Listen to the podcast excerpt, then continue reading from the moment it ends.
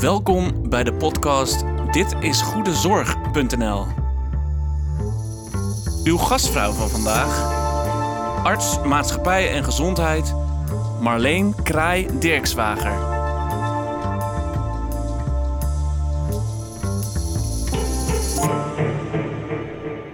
Welkom en fijn dat je luistert naar onze podcastserie. We hopen je met gesprekken te inspireren om na te denken over wat vind ik nu eigenlijk goede zorg en hoe draag ik daaraan bij? Vandaag ga ik samen met Nienke Posma in gesprek met Igor Ivakic. Igor is directeur van het Nederlands Centrum Jeugdgezondheid en voor mij een inspirator vanwege zijn brede kijk op publieke gezondheid.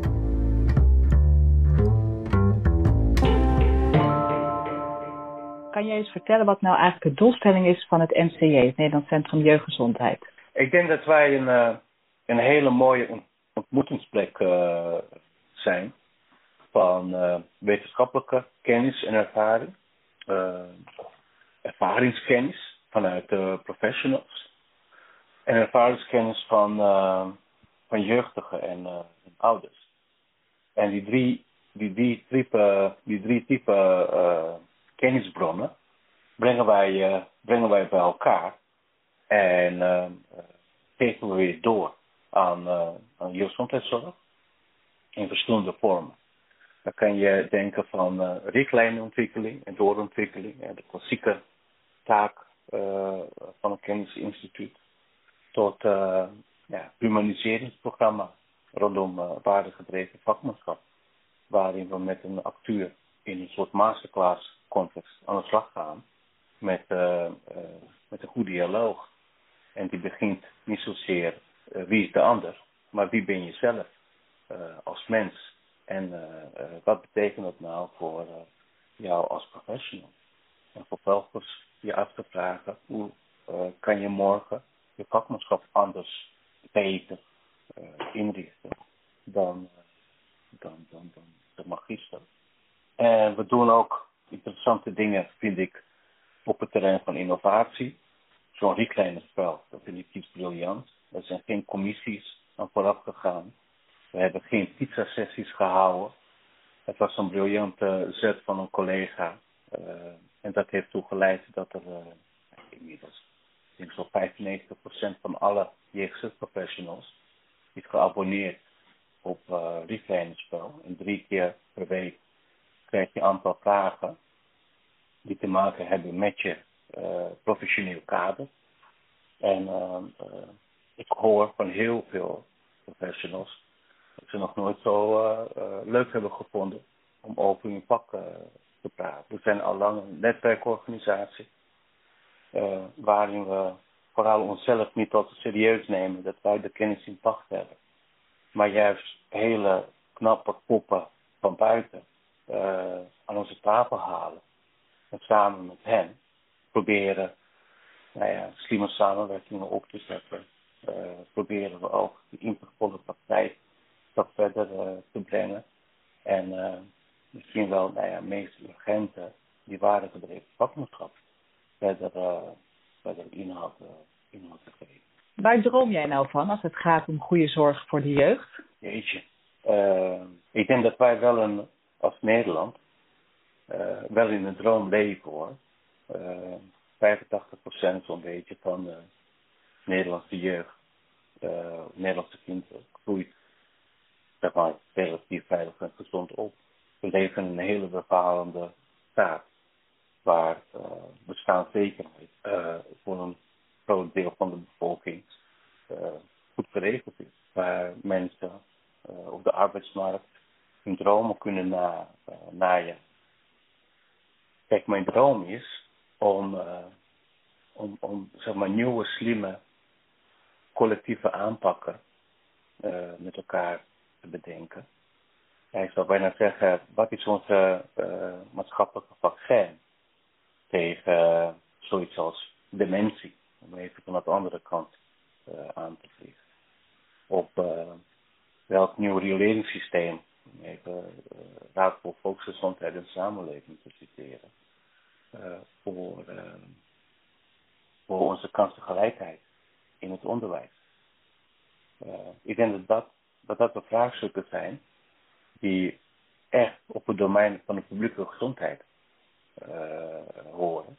En ik denk dat daar, dat daar vakmensen uit, uit de publieke gezondheid, die bedrijven, maar ook die, ja, die 6000 helden van de gezondheidszorg,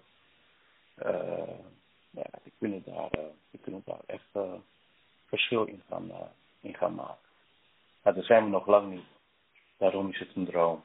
Ik ben ongelooflijk blij dat we, heel vaak beleidsmakers, bestuurders, maar ook uh, andere hulpverleners horen zeggen, we moeten breed kijken. Uh, dat hoor ik.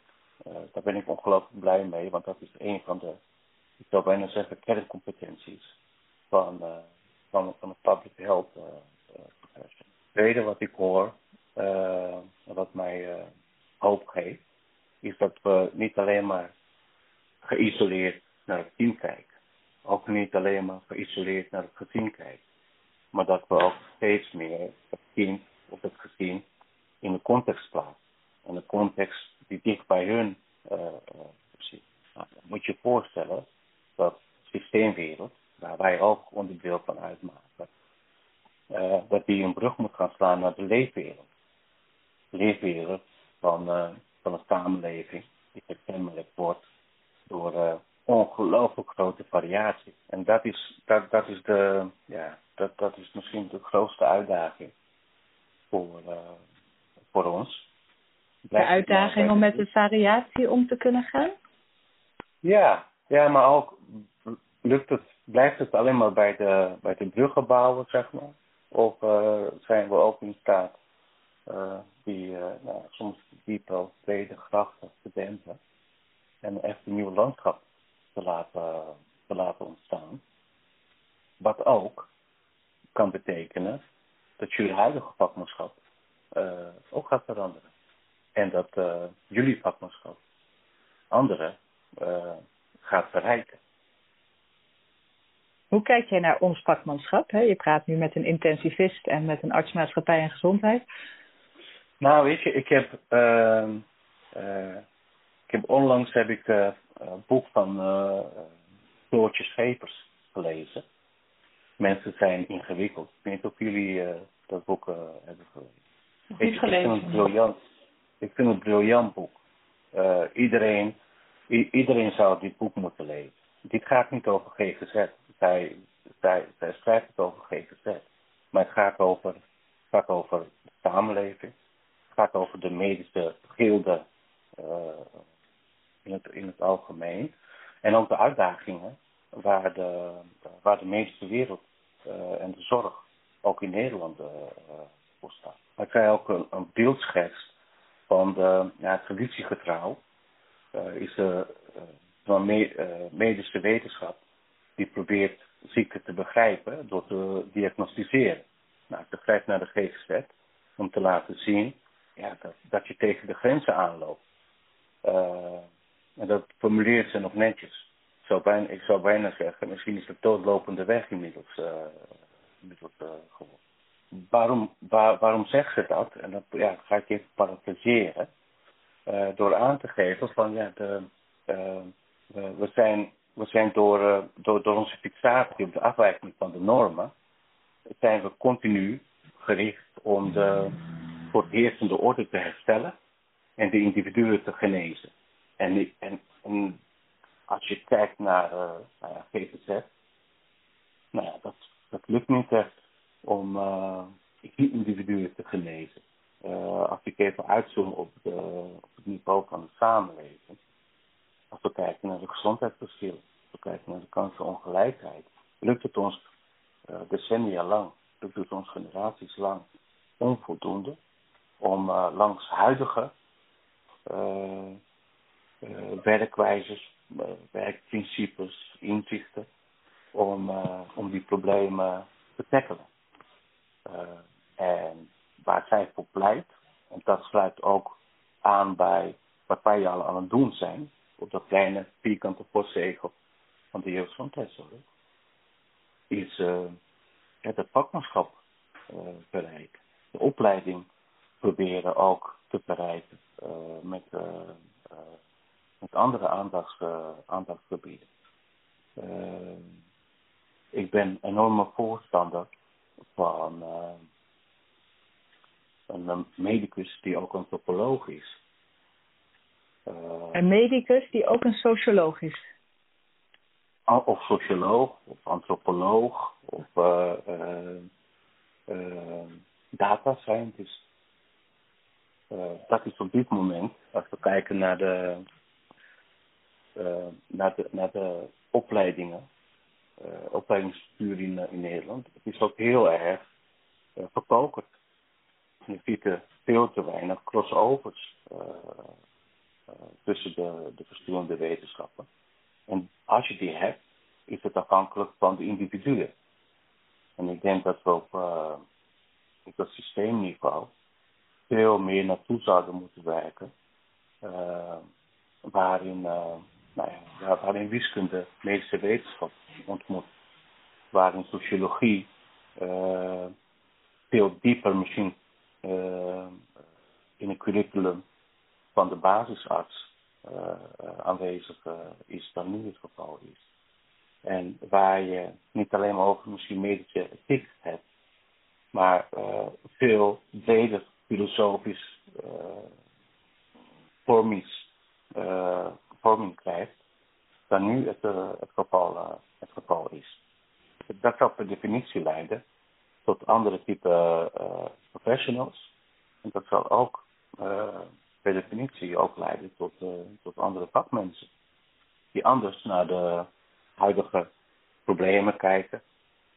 in de spreekkamer of in het netwerk zorg dan wel op dat zeg maar, macroniveau, op het niveau van de samenleving, duiden wat er aan de hand is in Nederland.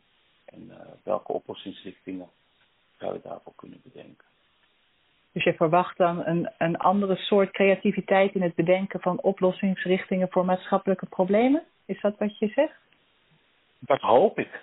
Weet je, dat, dat hoop ik dat het, dat het uh, uh, kijk, die nieuwsgierigheid en, uh, en van de studenten, aankomende professionals en, en vakmensen, je zit als het ware in een gevoelige periode. je, bent, je staat open voor de, voor, voor de nieuwe kennisvelden. Je wil graag ook iets betekenen door bepaalde opleidingen te gaan, te gaan volgen. En en ik vind dat we, dat we toekomstige professionals veel breder moeten gaan opleiden dan nu het geval, uh, het geval is. Wat zijn nou de, de grootste uitdagingen rondom de gezondheid van onze jongeren die jij het eerst zou willen oppakken? Er zijn een legio. je, je hebt, je hebt zomaar platgetreden paden van kansenongelijkheid en en de gezondheidsverschillen. Uh, maar wanneer hebben wij het over bijziendheid? Om even zoiets, uh, zoiets te noemen. Ik heb, het, ik heb het ook even opgezocht. Ik dacht van ja, even, even gewoon wat, wat anders bij de, bij de kop pakken. En kijken van ja, wat is er dan aan de hand als we daar, daar, daar naar kijken. Eén, één op de vier zestigers is bijziend.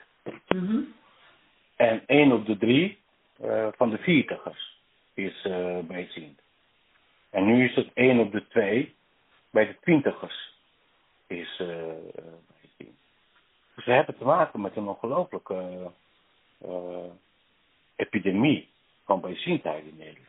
Ik heb bijna maatschappelijke organisaties of zeg maar, inbrengen nu ook richting kabinet uh, over deze epidemie. Terwijl uh, bij ziendheid, ik ben geen medicus, maar uh, wat, ik er, wat ik ervan weet, heeft ongelooflijke gevolgen voor, kan ongelooflijke gevolgen hebben voor het functioneren van de individuen. Maar als we kijken naar onze arbeidsmarkt, krijgen we, als we niet oppassen, komende generaties, die, die waar allerlei aanpassingen plaats moeten gaan vinden. Om deze mensen in staat te stellen goed werk te leveren en productief te blijven, ook voor de Nederlandse, Nederlandse economie.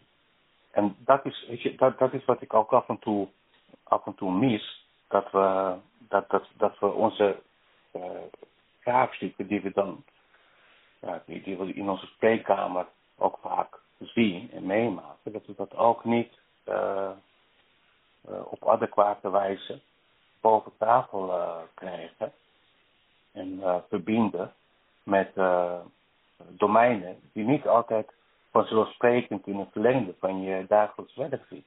Bijvoorbeeld zo'n arbeidsmarkt. Wij hebben het met elkaar heel vaak over maatwerk. We zeggen ook tegen elkaar, en ik ben de eerste die dat ook roept, van uh, jongens, we moeten veel meer aansluiten bij, bij de ander. Proberen die leefwereld van de ander te begrijpen. De Nederlandse samenleving de samenleving heeft inmiddels uh, uh, 200 nationaliteiten. Uh, als je kijkt naar de, naar de netto migratielanden op dit, op dit moment, komen traditionele migratielanden zoals Turkije, Marokko, Suriname of de Nederlandse Antillen, komen niet eens voor in top 15. Maar als wij over zeg maar, vraagstukken hebben van de, van de migranten, nieuwkomers, allochtonen, hoe je ze noemen wil, uh, dan kijken we het vaak vanuit die bril. En alleen als het gaat om arbeidsmigranten, uh, komen we nog bij, uh, bij Polen of, of, of Bulgaren. maar hoe goed kennen wij de, de wereld van, van de Polen in Nederland? Hoe ziet hun leefwereld eruit? Of uh, wat weten wij nou van de Chinese gemeenschap in Nederland? En hoe hun leefomgeving uh, eruit ziet. Welke sociale verbanden zijn daar dominant? En hoe zou je die goed kunnen inzetten in interventies die we, die we plegen? We weten nog zoveel niet om, om, om, om aantal hardnekkige maatschappelijke vraagstukken aan te, aan te pakken. Ook zo'n dementie, eh, dementievraagstuk. Het kost de Nederlandse samenleving ruim 9 miljard per jaar om, uh, om dementie uh, uh, aan te pakken. Als je, vorige keer, alleen had ik met jou over dat rapport over bevolking in 2050, waarin sommige scenario's die enorme toename van uh, één persoonshuishouden. Met name bij 70-plussers, 80, uh, 80-plussers. Zijn wij, zijn wij nog uh, zijn wij klaar om, om die doelgroep adequaat te ondersteunen? Is onze infrastructuur goed op orde om, om deze mensen niet alleen maar lang leven te bieden, maar ook, ja, ik zou bijna zeggen, gelukkig een goed leven te geven? Of gaan we komende 10, 15 jaar elke keer, keer weer rapporten uitbrengen waarin we constateren dat gezondheidsverschillen tussen laag en hoog opgeleiden nog meer zullen gaan toenemen dan dat het ons lukt om die verschillen uh, terug te brengen. Je schetst ons eigenlijk, Igor, drie voorbeelden. Dus je signaleert uh, een, een toename van bijziendheid en koppelt dat aan uh, toekomstige arbeidsperspectieven. Je signaleert een veranderende bevolkingssamenstelling, met name op achtergrond, nationaliteit, culturele nou, wensen en, en verlangens die mensen daar ook in meebrengen. Je beschrijft 200 verschillende culturen in ons land. En, en nu beschrijf je eigenlijk qua leeftijd een veranderende samenleving. En jij koppelt dat in je verhaal naar wat betekent dat nou eigenlijk voor de ondersteuning en de zorg die je dan op orde zou moeten brengen om daar als samenleving zo goed mogelijk mee om te gaan. Klopt dat? Ja. Ja, want um, wat is het? 30, 40.000 uh, mensen sterven per jaar aan hart- en vaatziekten. En terwijl zeg maar, top 1 killer in Nederland is dementie. En, en weet je, en dat is dat hij dan denkt van ja, als we ons op de toekomst willen voorbereiden, Uh, ik wil niet zeggen dat we opeens geen aandacht moeten hebben voor leefstijlgeneeskunde. Absoluut niet. Want dat kan ook een sleutel zijn ook voor, uh, voor aanpak van dementie. Maar we weten nog zoveel niet uh, over, over dementie. En dan, en dan ben ik hoopvol als je naar corona kijkt, als we in staat zijn urgentie te creëren in de samenleving. En de kracht van de, van de overheid, van de wetenschappelijke wereld en uh, medische industrie bij elkaar kunnen brengen, dan zijn we misschien zijn we ook in staat om goede oplossingen te verzinnen op zeer korte termijn. En daarmee niet alleen maar levens redden, maar ook generaties. En, uh, en generaties zijn cruciaal voor het voorbestaan van, uh, van een samenleving. Het is cruciaal voor de houden van samenhang in de, in de, in de, in de samenleving. En zorgt voor de, de, de welvaartspaard wat we nu, wat we nu hebben. en dat is niet, weet je, dat, ja, dat is, dat is niet vanzelfsprekend. En ik heb zoiets van, ja, ik hoop niet dat we elke keer een pandemie nodig hebben. Dat we al te laat zijn voordat we in beweging, uh, uh, in komen. Dus eigenlijk, uh, als ik jou zo hoor, dan zijn er eigenlijk twee dingen even uitzoomen die je zegt. Hè? Je zegt van we signaleren maar een beperkt aantal van, van de problemen die er nu, nu zijn. Bijvoorbeeld, nou ja, dus die bijziendheid, dat is iets wat eigenlijk geen aandacht krijgt we weten eigenlijk onvoldoende van de leefwereld van veel van onze mensen in onze samenleving. En daar hebben we soort blinde vlekken eigenlijk uh, voor. Terwijl andere thema's uh, juist misschien wel overmatig veel aandacht krijgen. En je zegt van we hebben eigenlijk te weinig lange termijnvisie. Klopt dat? Ja, maar meer in een vragende vorm. Hè? Want kijk, mm -hmm. ik zeg altijd van, ik vind het niet zozeer belangrijk wat, wat zich nou manifesteert in de publieke ruimte. Want dat is altijd, dat is altijd wel een soort ook een beetje concurrentie van wat krijgt nou meeste, uh, meeste aandacht. Maar ik hoop dat in, in, de, in, de, in de zalen van de universiteiten studenten nu uh, zich afvragen over van wat is nou, uh, hoe, ziet mijn, hoe ziet mijn vak eruit in, 20, in 2050? Dat wat ik nu leer, is dat nou, is dat nou toereikend om als ik, als ik in een tijdmachine stap en in 2040 eruit stapt, uh, of in de wereld die ik dan aantrek nog steeds begrijp en, uh, uh, en goed duidt. En ik hoop dat er, dat de professionals nu rondlopen, die niet alleen maar zich blijven vastklampen aan de voorspelbaarheid van het dagelijks bestaan, maar dat ze proberen ook verbindingen te leggen van, van hun werk met andere domeinen en zich ook daar op uh, uitspreken. Dat, dat, dat er een keertje advies komt vanuit, vanuit het collectief van de, van, van de public health professionals over arbeidsmarkt in 2040. Gebaseerd op een public health uh, visie. En de verandering die je voor je ziet, die begint voor jou bij de professionals die zichzelf bewust worden van hoe ziet de samenleving er over 10, 20, 30 jaar uit en welke rol heb ik daar dan in bij te dragen? Precies, ik geloof, ik, ik, de verandering moet echt van, van, van onderop en van binnenuit komen. De omstandigheden, die, die zul je dwingen. Hè? Dan, dan, schetsen we even de grote hè, demografische trends, de, de, de uh, epidemieën. Hè? Ik, ik, kan het nog eentje noemen. Over de woonkloof in Nederland. Vier op, uh, vier op de tien bijstandsgezinnen hebben geen eigen tuin. En wat zeggen wij vaak tegen ouders? hey, kinderen moeten gaan spelen. Veel buiten spelen. Even ook als remedie tegen, tegen bijziendheid, heel veel buiten spelen. Maar als, dan stel ik me dan voor, als je geen eigen tuin hebt, waar woon je dan? Uh, woon je in de wijken? Hoe hebben we die wijken ook alweer uh, geclassificeerd? Als probleemwijken? Of we hebben ze uh, gereframed als krachtwijken of prachtwijken. Maar met allerlei, allerlei maatschappelijke, sociale, gezondheidsvraagstukken van die. Nou, een, een, een ouder die zich uh, zorgen maakt over het veilig en gezond opgroeien van een eigen kind, vreest af en toe ook voor de sociale context waarin ze leven.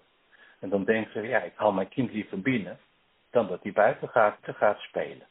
Als je nu in de corona, waarom lopen heel veel jongeren tegen allerlei issues is het ook te relateren aan de gebrek aan ruimte. Voor heel veel jongeren was het onderwijs, naar school gaan, ook een uh, plek waar je ruimte kreeg. Waar je niet het gevoel had dat je opgesloten zat. Waar je ook af en toe onder de juk van uh, thuissituatie onder kon komen. Maar ja, als je in een woning leeft die minder dan 90 vierkante meter is. En waar je een broertje of misschien meer broertjes en zusjes hebt. En met de meerdere uh, in één slaapkamer uh. Nou, dan, uh, dan heb te doen. Op die manier ja, goed te functioneren.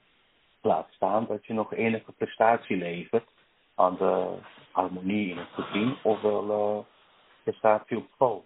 Nou, je hebt zo in een half uur zo heel wat thema's aangetikt, hè? van arbeidsmarkt tot woonkloven, tot demografische veranderingen, tot hoe gaan we dan om met nieuwe signalen die een risico zijn voor onze gezondheid en welzijn. Ik wil het even terugbrengen naar, naar waar je mee begon over het vakmanschap van zorgverleners. Zou je daar nog iets meer over kunnen zeggen, wat jij dan als goed vakmanschap beschouwt? Ik denk dat we, ik denk dat we uh, vakmanschap echt op andere pijlers moeten gaan, uh, moeten gaan bouwen. Ten eerste uh, die complexiteit omarmen, in plaats dat we, dat, dat we alleen maar bezig zijn om, om die complexiteit te controleren en te reduceren tot enkelvoudige, uh, en, enkelvoudige vraagstukken. Ik denk dat het ook uh, van belang is om te accepteren dat we ook niet veel weten. Dat we bescheiden moeten zijn over onze wetenschappelijke inzichten en de recepten voor de, voor de aanpakken van uh, allerlei individuele problemen die er, uh, die er zijn. Derde en misschien wel belangrijker, die gelijkwaardigheid in de spreekkamer. En dan denkbeeldige spreekkamer. Tussen een professional en, en de burger. Uh, waarin, je, waarin je dus ook als, als, als professional ook open staat voor die ervaring en de kennis die ook aan de andere kant van de tafel is. En die, die ook op waarde weet te schatten. Dat, dat, vind, dat vind ik, uh, dat, dat vind ik ja, misschien wel uh, meest, uh, meest belangrijk. Heel mooi. Sommige keuzes kunnen ook schade toebrengen. En dat, is ook, dat kan best te rechtvaardigen zijn. Maar dan moet je ook nadenken over, zijn we ook in staat om die schade enigszins te beperken? Te verzachten, of weet ik het. Uh, uh, ik vraag me gewoon af of we dat wel voldoende, uh, voldoende doen. En daar ook voldoende oog voor, voor hebben. Een klein voorbeeld heeft niks met publieke gezondheid te maken en heeft alles met publieke gezondheid te maken. Stel je voor dat je bijstandmoeder bent en dat je een kind hebt die nu bezig is met examenjaar.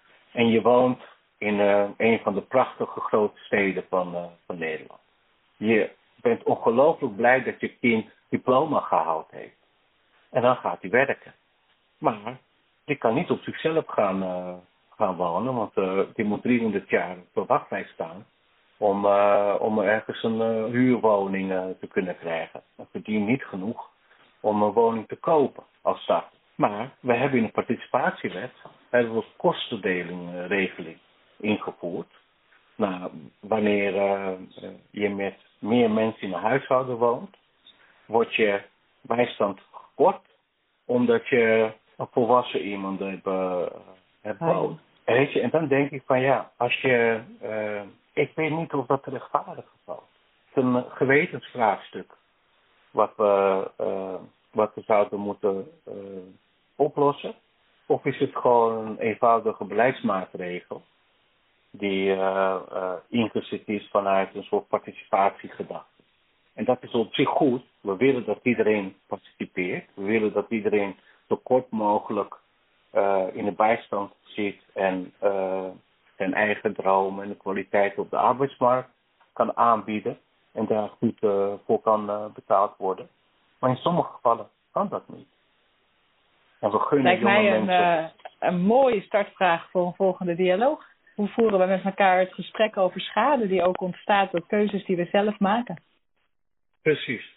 En dat is dat, dat soort gesprekken voeren we nog veel te, eh, veel te weinig. En ik denk als we daar gesprekken over zouden voeren, zouden we ons eh, eh, ook veel beter realiseren wat nou de toekomstige keuzes zouden kunnen zijn. Ik denk dat je ons Dus- hiermee eh, een, een mooi eh, heel aantal vragen op rij eigenlijk hebt gezet om opnieuw even met elkaar en zelf ook over na te denken. Van welke uitdagingen zien we aankomen? Hoe competent voel ik mezelf daar eigenlijk bij?